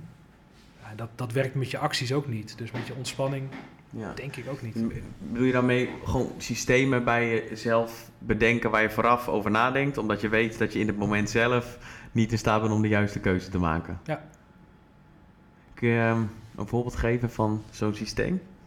Wat werkt voor je? Ehm, ik, ik zit op, op zondagochtend zit ik in een kerk. Nou, daar heb ik helemaal geen zin in. Eh, Want dat is voor mij gepland wanneer dat is. En dan moet ik opkomen draven. Moet ik me afwegen, eh, af, afwachten of, of, eh, of, of, de, of de spreker of die een beetje goed is. Ja. En eh, soms irriteer ik me. Of dan aan mezelf of aan de mensen om me heen. Het zijn allemaal hele andere mensen dan die ik door de week spreek. Dus het is, het is gewoon heel... Het is in die zin helemaal iets wat, wat, wat anders is. Alleen ik geloof dat het wel goed is. Ik moet gewoon een uur lang mijn kop houden. Gewoon zitten en luisteren. En nou ja, het is een behoorlijk reflectiemoment, zeg maar. Dus dat, dat is dan een voorbeeld waarvan de kinderen dan ook zeggen van... ja, nou, eh, we hebben helemaal geen zin om te gaan. En eh, waarom doen we dat nou? En als je nou zo graag naar zo'n spreker wil luisteren... kan je toch ook op internet even opzoeken. Van, ja, dat is dus de kern niet. Het is juist jezelf oppakken en zeggen van... zo, ga dat nou maar gewoon doen. Want eh, dat is goed voor je. Krijg je eventjes... Ja. Eventjes weer eh, een moment waarin het eh, duidelijk wordt dat, dat, dat je niet alles zelf kan maken en doen. En, eh, en dat er ook andere mensen zijn dan dat bubbeltje wat je om je heen verzameld hebt. En, dus dat is wel zo'n moment. En dan, Maar is het dan het inplannen van, het- van een moment waar je in het moment zelf op dat, dat het gebeurt geen zin in hebt? Is dat het? nee, dat hoeft ook niet. Want ik denk juist dat daarin ook wel weer een hoop verrassing komt. Want op het moment dat, eh, dat je daar zit en, eh, eh, en je hebt het dus niet zelf in de hand wat er vervolgens een uur lang gebeurt. En, en dat inspireert juist. Of, dat, of je, je komt erachter bij jezelf van, ah jongens, maar ik kom erachter dat ik iets niet helemaal handig aanpak of zo. Of je hebt ineens een leuk idee. Of eh, je wordt eh, eh, getroost in iets waar je verdrietig om bent. Of nou ja, in één keer is er veel meer ruimte voor, ook voor dat soort dingen. Omdat je het zelf niet zo orchestreert. Dus dat, het is niet zo dat je jezelf allemaal ellendige dingen op de hals moet halen. Want dat, dat hangt misschien een beetje aan je vraag. Zo van, oh gut, dan is zelfs ontspanning is nog weer een soort moedje geworden. Maar ik denk juist dat, dat je eh, een soort ruimte voor jezelf creëert. Ja. Om, nou, en voor de een is dat dan eh, eh, dat hij zegt van nou, ik ga, ga een lange wandeling maken, of nou regent of niet, of wat. of ik ga sporten, of ik ga dit boek doorlezen, of ik ga een film kijken. Ja, oké. Hm. Je zei gisteren in de podcast, eh, of gisteren, je zei in de podcast met Jelmer, die ik gisteren luisterde, zei eh, God en geloof is geen zelfhulp. Daar, dat verbaasde me. Ik ben nieuwsgierig waarom. ehm, waarom? Nou, omdat ik, eh, omdat ik denk dat geloven juist het erkennen is van dat je afhankelijk bent. Dus dat je niet, ehm, dat er iets is wat groter is dan jij. En dat die de boel meer eh, eh, bij elkaar houdt dan dat jij dat ooit zou kunnen. Dus in die zin. Maar het is toch juist een ultieme vorm van zelfhulp of zelfontwikkeling? Het besef dat. Ja, ik, ik geloof dat het inderdaad de ultieme vorm van hulp is. En de ultieme vorm van ontwikkeling, maar juist niet door jezelf. Omdat, uh, omdat Ah, hetgene wat jou helpt en wat jou ontwikkeld is, dat is dan vanuit dat geloof God. Ehm, en is het dus niet zo dat ehm, de, de, de gedachte van nou, je, moet, je, je moet gewoon in jezelf geloven. Ja, eh, ik hoorde iemand zeggen, eh, ja, op goede dagen heb je dat niet per se nodig, want dan gaat het gewoon lekker. En op de kwaaie dagen, ja, Heb je het niet? heb je het niet. Ja, ja. En dus in die zin vind ik dat heel veel zelfhulptoestanden je ontzettend met een kluitje driet insturen. Omdat ja, zo, zo werkt het uiteindelijk niet. Ja. Ik denk dat je gemaakt bent om. Nou ja, ik, ik geloof dat je gemaakt bent in afhankelijkheid van God. Maar ook juist in relatie met andere mensen. En dat je dus. daar zit hem veel meer de hulp. Dan dat je denkt van nou, als ik nou dit en dat en dat doe, dan fix ik het. Ja. Maar ik, ik, ik herken het heel erg, want ik dacht vroeger ook dat zelfontwikkeling was om succesvol te worden. Om heel veel geld te verdienen en om het Mhm. helemaal te maken. En nou ja, ik kom daar echt radicaal van terug, want het is juist, volgens mij is jezelf ontwikkelen juist om een leuke persoon te zijn voor de mensen om je heen. En Ja. om voor jezelf te bepalen wat je waarden zijn en waar je prioriteiten liggen. En wat voor jou een fatsoenlijk en goed leven is. En Ja. dat gaat veel verder. Dus. Maar de- in die zin is dat ik ben niet in, gelovig. Ik ben wel gelovig opgevoed. Ik heb tot mijn 17e ook iedere zondag in de kerk gezeten. Dus ik herken heel veel. Het is nu ongelovige Thomas. Thomas. ja. exact, ja. Nee, ja, die- goed, ik weet niet of ongelovig. Ik weet het gewoon echt niet. Daar heb ik nog niet aan gewaagd aan die, eh, die vragen. Ehm, maar volgens mij is geloof wel iets om betekenis te geven Ja. aan je leven. En ik merk ook wel dat hoe meer ik lees en met dit soort dingen bezig ben, hoe meer ik in staat ben om betekenis te geven aan mijn leven. Nee, maar dat, ik denk dat uiteindelijk ehm, ben je op zoek naar ja, toch een soort van eh, richting om wat je hebt en wat je kan en wat je bent. Omdat, weet je, ik denk in die zin aanbidt iedereen iets.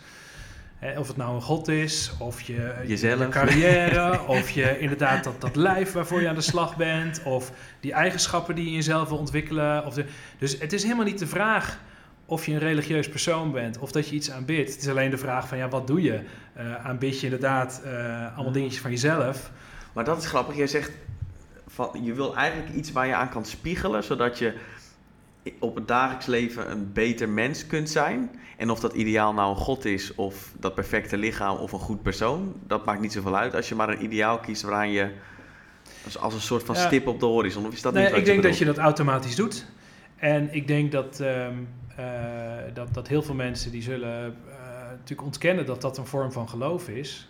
Eh, want die zullen zeggen van ja, maar kijk, het gaat om wat je kan bewijzen en zo. Het feit dat je dat zo belangrijk vindt, geeft al gewoon aan dat je al hebt bedacht wat waarde heeft en wat niet waarde heeft. En wie bepaalt dat dan? Ben jij dat dan? Of vinden dat...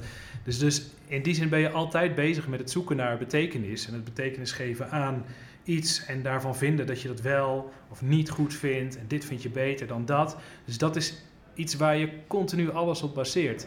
Ehm, en voor de Ja. ene is dat heel expliciet, eh, soms tot, tot irritatie aan toe. Als je eh, eh, iemand hebt die zegt van nou, en dan ga ik dus nu zelfs dit vliegtuig voor laten ontploffen, dan denk je nou, gaat ver. Ehm, en, en voor anderen is dat misschien helemaal niet zo zichtbaar, maar ik denk dat iedereen ja, op die manier zijn, zijn keuzes maakt. Bewust of onbewust. Ja.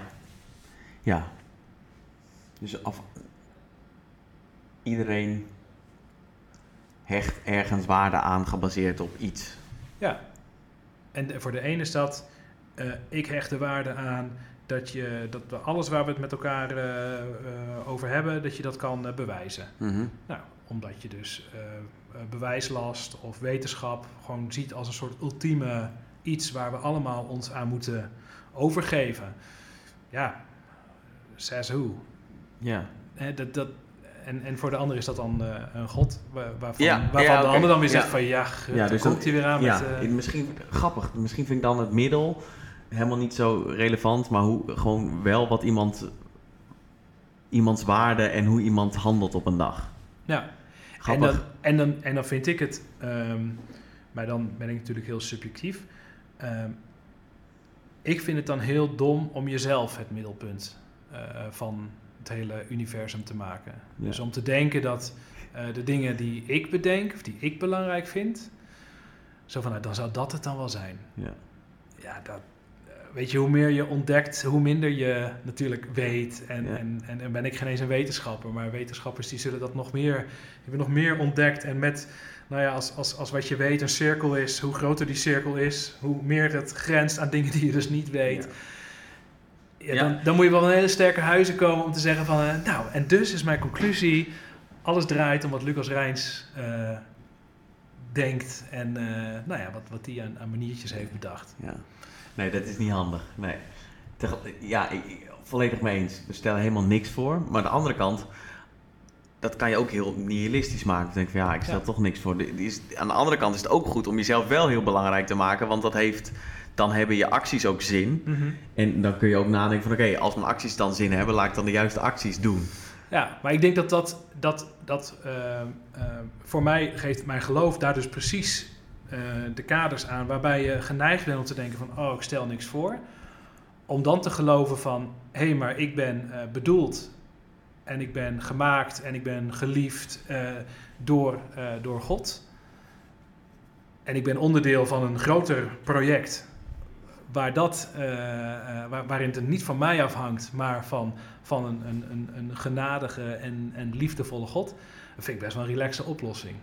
als, dat, als het zo Ja. inderdaad zit, nou, dan is voor mij het cirkeltje wel rond. Ja. Want dan betekent het dat, het, eh, dat ik wel mijn best mag doen, maar ook weer mag weten van ja, weet je, ik- het hangt uiteindelijk niet van mij af. Ja, Het, is, het ontneemt me niet van mijn verantwoordelijkheid.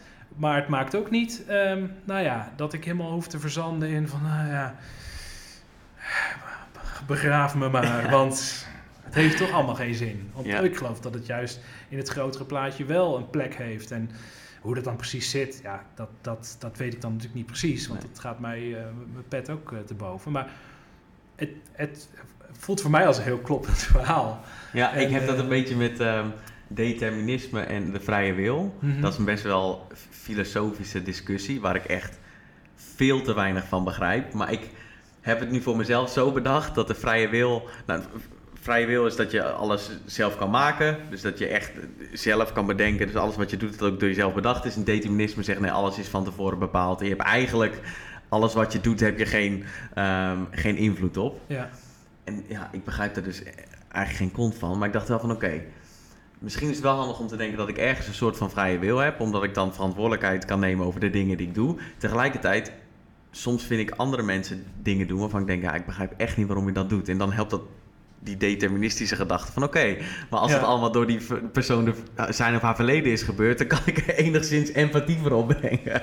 Zo heb ik het voor mezelf, heb ik er ook een soort van kloppend verhaal van Ja. gemaakt, dat het mij in ieder geval helpt in mijn dagelijks ja. leven. en dan switch je gewoon even qua stroming. En dan hoppa. Nu ben ik even deterministisch. Ja, Maar zo werkt het, zo werkt het. En letterlijk, ik doe het. Als, ik iemand, als iets, iemand iets doet waarvan ik denk, ja, dat is echt kut, dan denk ik, oké, maar waar komt het vandaan? Dan helpt het ook echt om dan ja. tegelijkertijd, als ik iets doe waarvan ik denk, dat is fout, dan helpt het me ook om niet tegelijk te zeggen, ja, dat komt door die ander. Nee, misschien komt het wel door mezelf.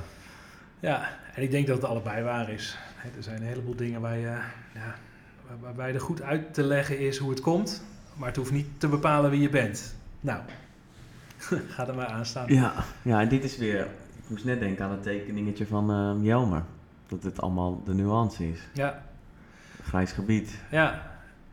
Ja, dat, en dat verkoopt slecht. Het is makkelijker om te zeggen van... eh, jongens, ik weet precies hoe het zit. Dit is eh, hoe, het, hoe, het, hoe het allemaal zit.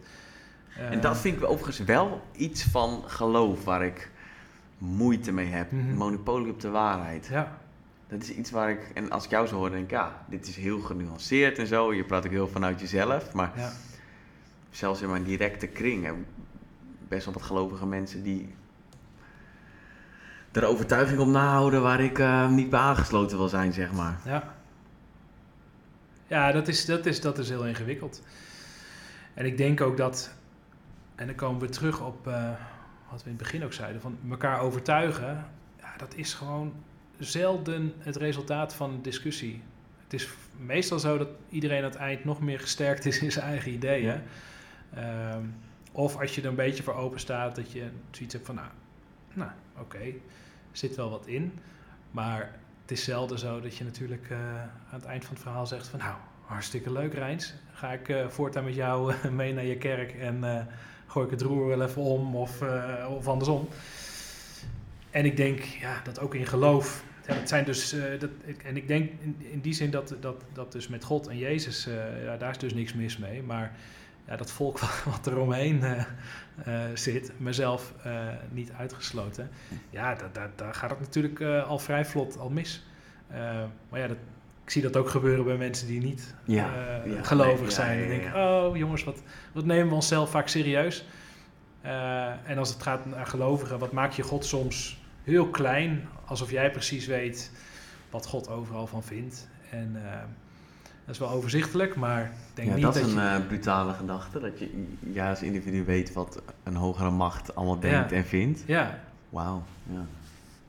Maar ja, dat is wel waarom mensen een vliegtuig in een toren... Ja, ja. Nou moet ik zeggen dat wij dat met onze gemeente heel weinig uh, doen.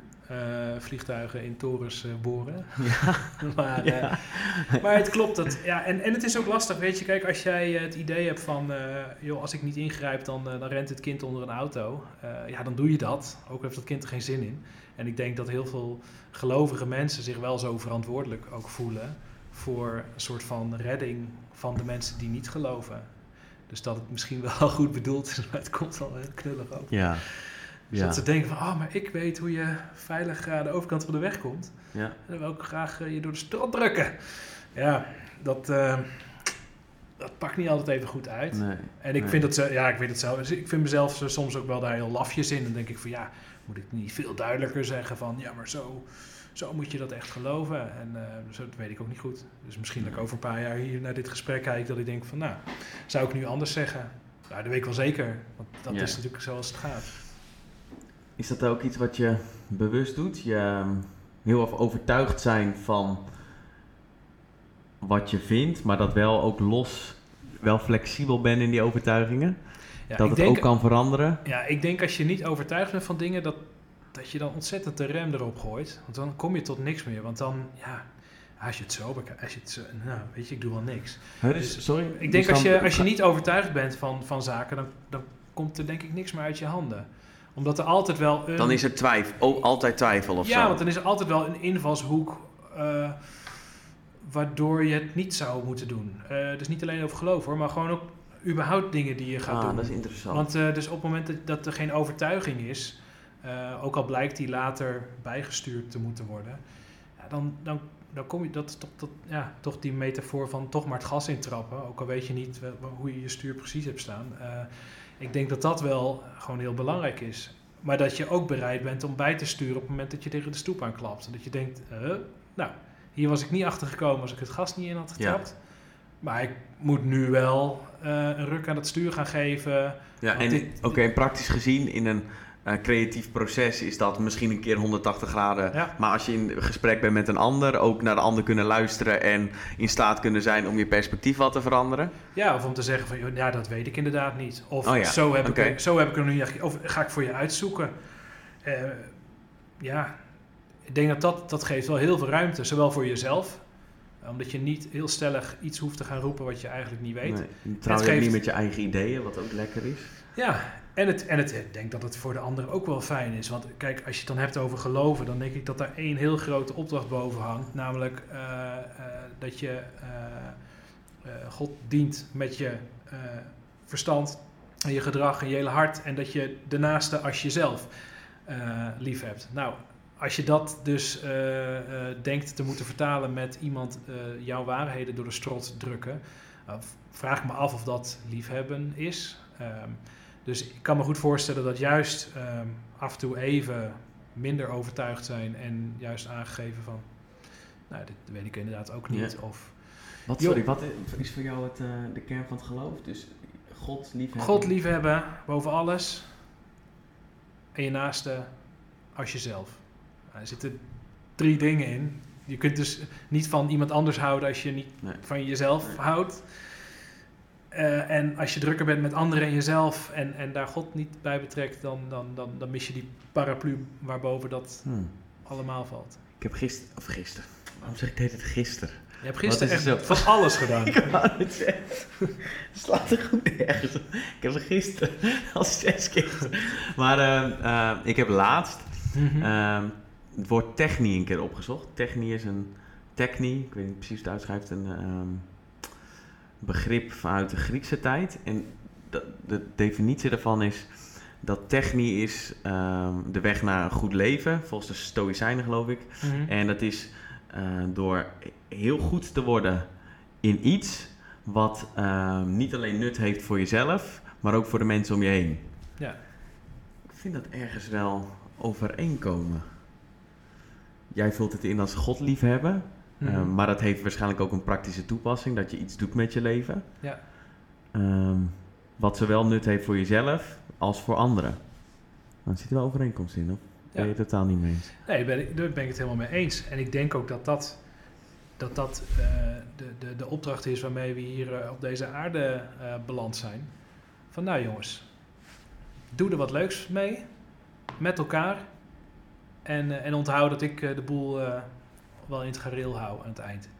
Nou, Ja, daar, daarbij eh, moet je dus jezelf niet voorbij gaan, niet over je eigen grenzen heen gaan, want dat is nou eenmaal de gereedschapkist waar je het mee moet doen.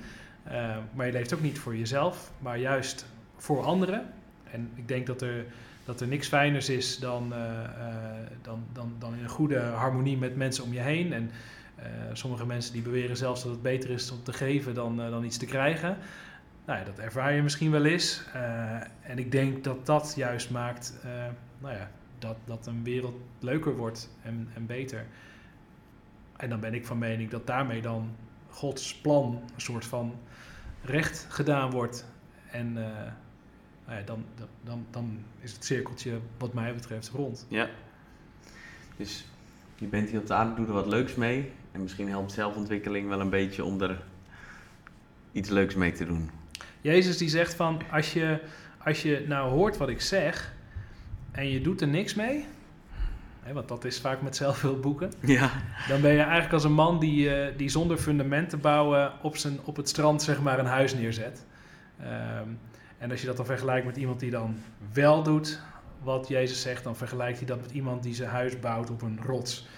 Daar zie je in principe niks van, totdat het gaat stormen. En dan Ja. kom je erachter van, hé, ja. Maar dat is iets, ik ben het hier volledig mee eens. En dat is iets waar ik zelf ook over nadenk. Dat bezig zijn met zelfontwikkeling en jezelf ontwikkelen maakt dat je bepaalde vaardigheden krijgt. En die vaardigheden hebben gewoon nut. Ja. Namelijk dat als je een huis bouwt, ja, dan kun je in dat huis wonen. Of als je ergens goed in wordt, dan kun je je centjes ermee verdienen. En dan kun je ook andere mensen daarmee helpen als je geluk mag hebben dat het wat meer geld is dan alleen genoeg om jezelf te verzorgen, zeg maar. Ja. Dat heeft zin gewoon, ja. vaardigheden leren. Nee, absoluut. Dus in die zin is ontwikkeling. Ja, ik denk daar, daarvoor, daarvoor zijn, we, zijn we hier eh, op de aarde. Om gewoon. eh, eh, nou ja, om de, de, dat, dat is de opdracht waar, waar, waar je in het begin van de Bijbel. Adam en Eva worden daarmee op pad gestuurd. Van nou jongens, tuin, geef die beesten een naam. En, eh, en, en ga de boel maar cultiveren. Ga maar eh, paadjes harken. Ga maar eh, dingen maken. En ik denk dat is, dat is uiteindelijk toch de fun waarmee je, waarmee, je- waarmee je leuke weken Ja. hebt hier. Ja. En vind je dat ook dan dat je een verplichting, is misschien niet het goede woord, maar dat je nou ja, wel gewoon een verplichting hebt om dan al ook het maximale uit te halen uit die tuin? Ja, ik denk dat dat, dat dat wel het leukste is. Als jij weet van jongens, ik zie deze potentie Grappig dat ergens je in. zegt leuk. Ja, ja, ja, de- ik, ja ik, ik geloof dat, eh, dat eh, kijk, niet alles is, is leuk en je moet soms dingen doen die niet leuk zijn. Maar ja, leuk is wel een heel klein woord voor wat, waarvan ik geloof dat, dat, het, eh, dat het de bedoeling is. Hè? Dan, Ja. misschien moet het, moet het een wat deftiger woord. Nee, maar ik vind Eh, het maar- juist een heel mooi woord, omdat Ja. ik, ik vind het ook leuk om beter te worden in Ja. dingen. Ik vind het leuk om nieuwe dingen te leren. Ja. En ik denk dat, ehm, kijk, het heeft misschien een beetje een, eh, een, een, een raar smaakje, omdat wij hier als twee eh, witte eh, rijke mannen zitten, op een stukje van de wereld waar het allemaal voor elkaar is. Maar ik ben ervan overtuigd dat als je ergens anders op de wereld woont, dat je, en, en je hebt andere mogelijkheden dan hier, waarvan wij dan misschien zeggen van, oh, dat, dat zou ik lastig vinden. Dat je daar ook op zoek bent naar een, een, een manier om je week een toffe invulling te geven. En misschien Ehm, nou ja, zijn wij minder bezig met de hele week werken voor ons, eh, eh, eh, nou, per se dat we nou, genoeg te eten hebben. maar ik kan me voorstellen dat als dat je doel is, ja, ik denk dat ik daar ook wat plezier in zou kunnen hebben. Dus de hele dag echt puur en dat je dan thuis komt en dan van, nou jongens, papa heeft het eten. Ik denk dat dat heel tof is. Ja. Dus, eh, En vind je dat omdat wij twee rijke witte mannen zijn, dat we minder recht hebben om te praten over dit soort dingen? nee, ik vind dat we er geen minder recht op hebben, maar ik vind het wel, eh, ik vind het wel eh, opmerkelijk dat wij überhaupt allebei een middag hiervoor eh, vrij kunnen nemen, blijkbaar. Ja. Ik bedoel, jij krijgt geen geld, ik krijg geen geld. dus blijkbaar hebben we genoeg om gewoon dit even te Ja. doen. Dus dat is veelzeggend. Ja. Dus dat maakt dat we in een luxe positie ja, zitten. als je er heel dankbaar voor bent, wat ik ben, Ja. is dat dan... Ik stoei er ook wel eens mee hoor, maar het is echt puur nieuwsgierigheid. Ik ben daar heel dankbaar dat ik dat... Ja. Maar hebben we dan minder recht of zo? Of zeg je er meer om niet het perspectief te verliezen... dat er ook mensen zijn in de wereld die heel hard moeten werken iedere dag... om überhaupt eten op tafel te hebben? Nou, ik betrap mezelf wel eens op, op, op eh, eh, gedachten dat ik bepaalde problemen heb waarvan ik dan als ik iets van een afstandje kijk, dat ik denk van nou, dit is niet echt een probleem. Hmm, oké. En, niet, eh, en, en daardoor kan het wel even vervelend voelen, maar het zet dingen wel in perspectief. Ja, en het nee, feit- daar ben ik het er 100% mee eens. en dus de, de wildgroei aan, aan, aan alle zelfhulpachtige dingetjes. Dat komt ook omdat we daar tijd voor hebben. En omdat we, hè, wat, wat Mark Manson in zijn boek op een gegeven moment schrijft van... eh, eh, ja, je opa die had vroeger echt geen... eh, die, die Ja. werd wakker en dan eh, had hij een slechte dag. Maar ja, er moest gewoon stront geschept worden. Dus dan Ja. dacht hij even, oh, ik voel me niet zo lekker. En dan Ja. ging hij weer verder. Dat is die Maslow hierarchy, of, hierarchy of needs. Dus je moet eerst gewoon voeding hebben, Ja. eten... en daarna kun je na gaan denken over zelfontwikkeling... en over zelfontplooiing en zo. Ja, dat hadden onze grootouders niet. Nee, die zaten niet Nee. aan het begin van de week van... Hey, ik heb toch al Nee, het nee, idee dat ik moet ontwikkelen op bepaalde gebieden. Ja, gewoon brood op de plank. Dus, het, in, in Dus het af en toe in perspectief blijven plaatsen... van als je bezig bent met zelfontwikkeling... en constant bezig bent met wat er niet is... en wat er allemaal beter kan en Mhm. wat er nog niet goed is... dat je ook een keer een helikopterview neemt en denkt van... ja, oké, ik ben met dit soort bezig, dingen bezig... maar überhaupt dat ik met dit soort dingen bezig kan zijn... Ja. is al een absolute luxe. Nou ja, in, die- in die zin de- eh, mis ik gewoon heel erg de dankbaarheid in mijn eigen leven, maar ook in nou ja, hoe vaak we, hoeveel, in, in, in hoe we over deze dingen vaak praten. Dus eh, er is ontzettend veel waarvoor je eigenlijk eh, in je handjes mag knijpen. Maar ja, dat, dat vinden we binnen no time normaal. Dus dat is dan alweer helemaal naar de achtergrond. eh. Hmm. En be- bedoel je dan ook dat als we over zelfontwikkeling praten, dat we altijd praten over wat kan er beter en wat kan er goed, zonder Ja. dat we stil blijven staan van gast, waar heb je het in vredesnaam over? Je hebt straks Ja. gewoon weer voeding op, de, op tafel. En Ja. Ja, ik, ik, Zijn er dingen die je bewust doet om dankbaar te zijn voor dingen? ehm, Bidden voor het eten misschien? Ja, en dan vooral ook, kijk, je hoeft, ik vind het grappig als mensen bidden voor het eten dat het lekker zal smaken en zo. Dan denk ik, nou, als je gewoon een goede, goede kok hebt, dan, zeggen, als je een beetje kan koken. is, dat, is dat het probleem niet. En dat je er heel erg ziek van wordt, dat is hier ook niet echt aan de hand.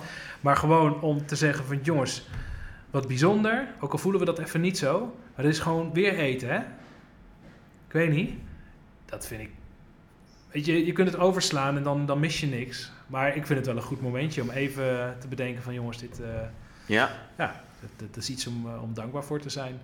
Dus ik denk dat, dat, eh, dat, dat de functie van, van, van bidden... niet alleen een soort religieus iets is als in praten met God... maar dat het ook helpt om even weer juist met je voetjes op de Ja. grond te komen... in plaats Ja. van dat het iets zweverigs is. ja.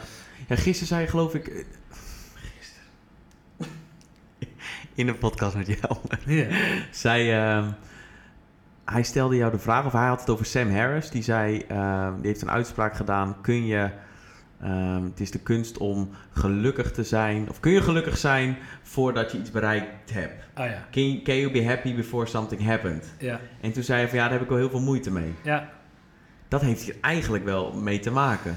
Dat de, een beetje het als dan. Als ik dat bereikt heb, dan kan ik Ja. pas tevreden zijn. Terwijl, je, terwijl we nu allebei zeggen van ja, het feit dat we met zo, dat, dat soort dingen bezig kunnen zijn, is Ja. al uniek. Ja, en, en ehm, je zou, eh, nou ja, je hebt dat, eh, dat dankboek van Ernst-Jan Fout. Eh, ik weet niet of je dat kent, Ken maar dat is, een- het begin van het boek is een introductie en daarna is het gewoon pagina's achter elkaar leeg, omdat je dan per dag gewoon via een soort structuurtje kan invullen waar je, waar je blij mee bent. En ehm, ik denk dat dat soort dingen, ja, die helpen je wel om dankbaar juist te zijn voor dingen die al heel erg gewoon hebt gevonden. Ja. Ik merk als ik weer, als ik weer een keer eh, een griepje of zo heb, dan denk ik, och, wat moet je toch blij zijn als je niet een griepje hebt. Ja, maar dat, dat is ook elke keer iets, als er iets ingrijpends gebeurt, Ja. dan pas Ja. denk je van, oh jezus, als ik dit niet had, dan zou, als ik dit niet had gehad, zou ik Ja. echt gelukkig zijn. Ja, dus, ehm, dus dan is het Ja, misschien wel goed ja. om gewoon momentjes eh, daar even bewust naar te kijken van, jongens, fijn, geen oorlog, eh, niet ziek, eh, eten op de tafel, eh, kunnen nog eh, lopen, er is nog een beetje geld op de bankrekening. Eh, nou, en dan gewoon weer verder. Ik bedoel, je hoeft niet ook eindeloos eh, zo helemaal in jezelf gekeerd eh, te zijn, maar Ja, ik denk dat het een hoop vervelende gevoelens gaat, eh, Ja. gaat, gaat besparen door gewoon wat meer te kijken naar wat je hebt. ja. In plaats van ja, wat er nog aan ontbreekt. Ja. Want dat zal altijd zijn. Er staat in de Bijbel, er zijn, eh, eh, wat, ah, dat vind ik zo'n grappige, eh, iemand die, die hebberig is, die kent maar twee woorden. Eh, dat is het woord meer en het woord meer. Dat vond ik wel een leuk grapje. ja. Er zit in- ook humor in. eh. In, nou, dat, wat dat betreft, als je ergens in een boek wil beginnen, zou ik Prediker doorlezen. Dat is het beste zelfhulpboek wat je kan bedenken. ja, maar ook Maar- met humor en zo. Dus zeg maar Nee, de, is, de Mark Manson van ja, het is, eh, ja, het, is wel be- een beetje een zure gast die dat geschreven heeft, Oh. hoor. Dus wat dat betreft, maar dat is juist wel heel leuk. Het is een beetje zwartgallig hier en daar. Maar nee, ik denk inderdaad dat, eh, dat, eh, dat Prediker is wel de subtle art of not giving a fuck van de Bijbel. maar, eh, maar, inderdaad, van, joh, maar als je, als je, je, je hebt altijd weer iets van, oh, dan wil ik nu dit en dan wil ik nu dat. En dan hebben, dus de, dat is nooit dan genoeg. Dus dan is het goed om je om te draaien en eens te kijken van, nou, Ja, hey, maar waar mag ik dan eh, blij mee zijn? ja. Ja. Leven is een beetje uh, goed, juiste perspectief kiezen. Ja, en dan, eh, als het goed is, heb je dan het goede uitzicht. Ja, gek dat. Ik, ik verbaas me daar toch ook dagelijks over. Dat 9 van de 10 keer als je niet happy bent of weet ik, er is wat, dat het gewoon een kwestie is van het juiste perspectief kiezen. Ja, That's it. Als Ja. je iets fout doet, als er iets misgaat. En nu praat ik wel vanuit eh, white privilege. En eh, dat ik echt nog niet zoveel ingrijpende dingen mee heb gemaakt. Want ik, ik, kan echt niet oordelen over als er echt een keer iets ergs gebeurt in mijn Ja. leven. Maar de dagelijkse struggeltjes waar ik mee deal. Het is gewoon niet anders dan het juiste perspectief Nee. kiezen. Wat best lastig is soms, dat begrijp ik wel. Maar ja, en ik geloof dus dat je ook daarin juist wel de ander nodig hebt. Want als je zo, zo depressief als een deur bent of je voelt je naar, dan ben je vaak gewoon zelf niet degene die je daaruit kan halen. Dus dan is het gewoon fijn om in relatie met anderen te leven. Om gewoon te zeggen van, joh, hier loop ik tegenaan, dat denk ik lastig. Dus dan heb je meer aan, denk ik, eh, iemand opzoeken... eh, dan om nog een zelfhulpboek te halen. Want dat gaat er toch wel heel erg vanuit dat je, dat je, ja, dat je het zelf moet gaan doen. ja, En ik denk dat dat, nou ja, dat, dat je eerder ehm, teleurstelt dan dat het je verder helpt. ja. Los van het feit dat het goed is om nou, de dingen te doen die je moet doen. Ben je er goed in om hulp vragen? Ehm, nee. Nee. Dus nogmaals, ik heb dus eh, de theorie prima op een rijtje. Ehm, Maar voor mezelf is het eh, misschien wel het grootste leerproces. Ja, ja en dat is ook eh, ja, het leukste toch? Daar, zolang je maar niet pretendeert dat je de. Dat vind, ik, dat vind ik moeilijk aan zelfontwikkeling. Dat mensen die de theorie roepen Mhm. en dat dan ook nog eens op een belerende manier doen. Van nou, doe dit en doe dit en doe dit. ja. Dat ze het dan zelf niet doen. Dat is. ah.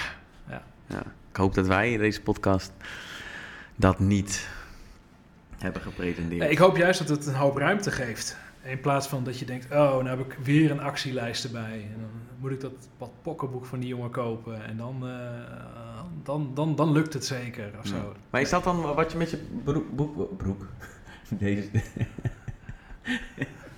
ik heb dit eerder gezegd. Toen zei er stond een quote in je broek. Ja, Nu zeg ik het weer. Boek. Is dat wat je met je boek wil bereiken? Ruimte? ik, eh, Om het cirkeltje maar rond te maken? Nou, ik hoop dat mensen eh, niet alleen maar dingen aanhoren, maar dat ze het ook gaan doen. En, ehm, en ik hoop dat het, dat het, dat het, eh, nou ja, dat het, dat het een lezer helpt om, om, om, om ja, inderdaad ruimte t- te zien. Zo van, oh joh, dingen hoeven niet te blijven zoals ze zijn. Ik heb daar zelf een rol in. Ja, en als ik mensen persoonlijk spreek, dan, eh, zal ik het niet nalaten om, eh, om ook nog even te wijzen op, eh, op, op de, grote, de grote helper. Ehm, maar dat zal in het boek er niet zo dik in liggen, denk ik. Alhoewel, ja, ben bang dat juist omdat het zo autobiografisch is, dat je dat er wel doorheen proeft. Ja, ik heb volgens mij wel één of twee tekeningetjes gezien op Instagram waar ergens iets religieus in voorkwam. Ja. Niet dat ik dacht van oeh, hij is naar het geloof aan het sturen Nee, of zo, ja. maar het zat er wel in. Ja. Ja. Wat oké is toch? Er staan ook nuttige dingen in en eh, Nou hele het goede het dingen. Het is eh, to, bring back the fun in fundamentalism.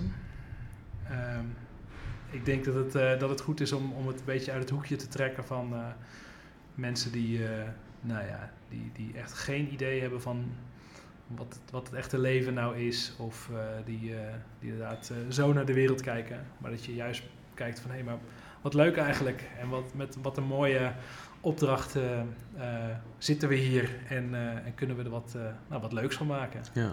ja. Waar kunnen mensen je boek vinden en jou vinden? Ehm, het, eh, het boek eh, kan eh, meteen al worden besteld op hoofdlijnen.nl. Daar kan je ook ehm, ehm, alvast een paar bladzijden even doorbladeren. Heb je een idee wat je, wat je 31 eh, oktober op je mat krijgt, want dan komt die uit. Ze kunnen hem pre-orderen. Ja. Cool. Ja. Nou, voor de luisteraar die zo meteen denkt van, dat ben ik vergeten. Ik zet het in de show notes neer, dus dan kunnen jullie met één klik op de knop naar hoofdlijnen.nl. En jou, waar kunnen ze jou vinden? Ehm, ik, ehm, ik, ja, als, je, als je mijn naam intikt, Lucas Rijns, dan, ehm, dan, dan, dan kan je mijn socials wel, eh, wel terugvinden. En eh, als je benieuwd bent naar eh, een beetje de hoofdmoot van het werk, dan eh, moet je Pankra zoeken. En dat is met een N van Nico. P-A-N-K-R-A.com. K-R-A. Ja, en hoe we aan die naam zijn gekomen, dat vertellen we in de volgende podcast. Cliffhanger. Laatste vraag. ja, Wat is jouw definitie van een goed leven? ehm, ja, ik ga gewoon weer herhalen. Ja. Ik denk dat is... eh, dat is Toen ik het vroeg, Ja, ja, daar komt hij weer. Ja, en dan zometeen zeggen dat ik een gekke fundamentalist ben. Nee, dat is, dat is God liefhebben boven alles. En je naast als jezelf. Succes ermee. Thanks, Reuze.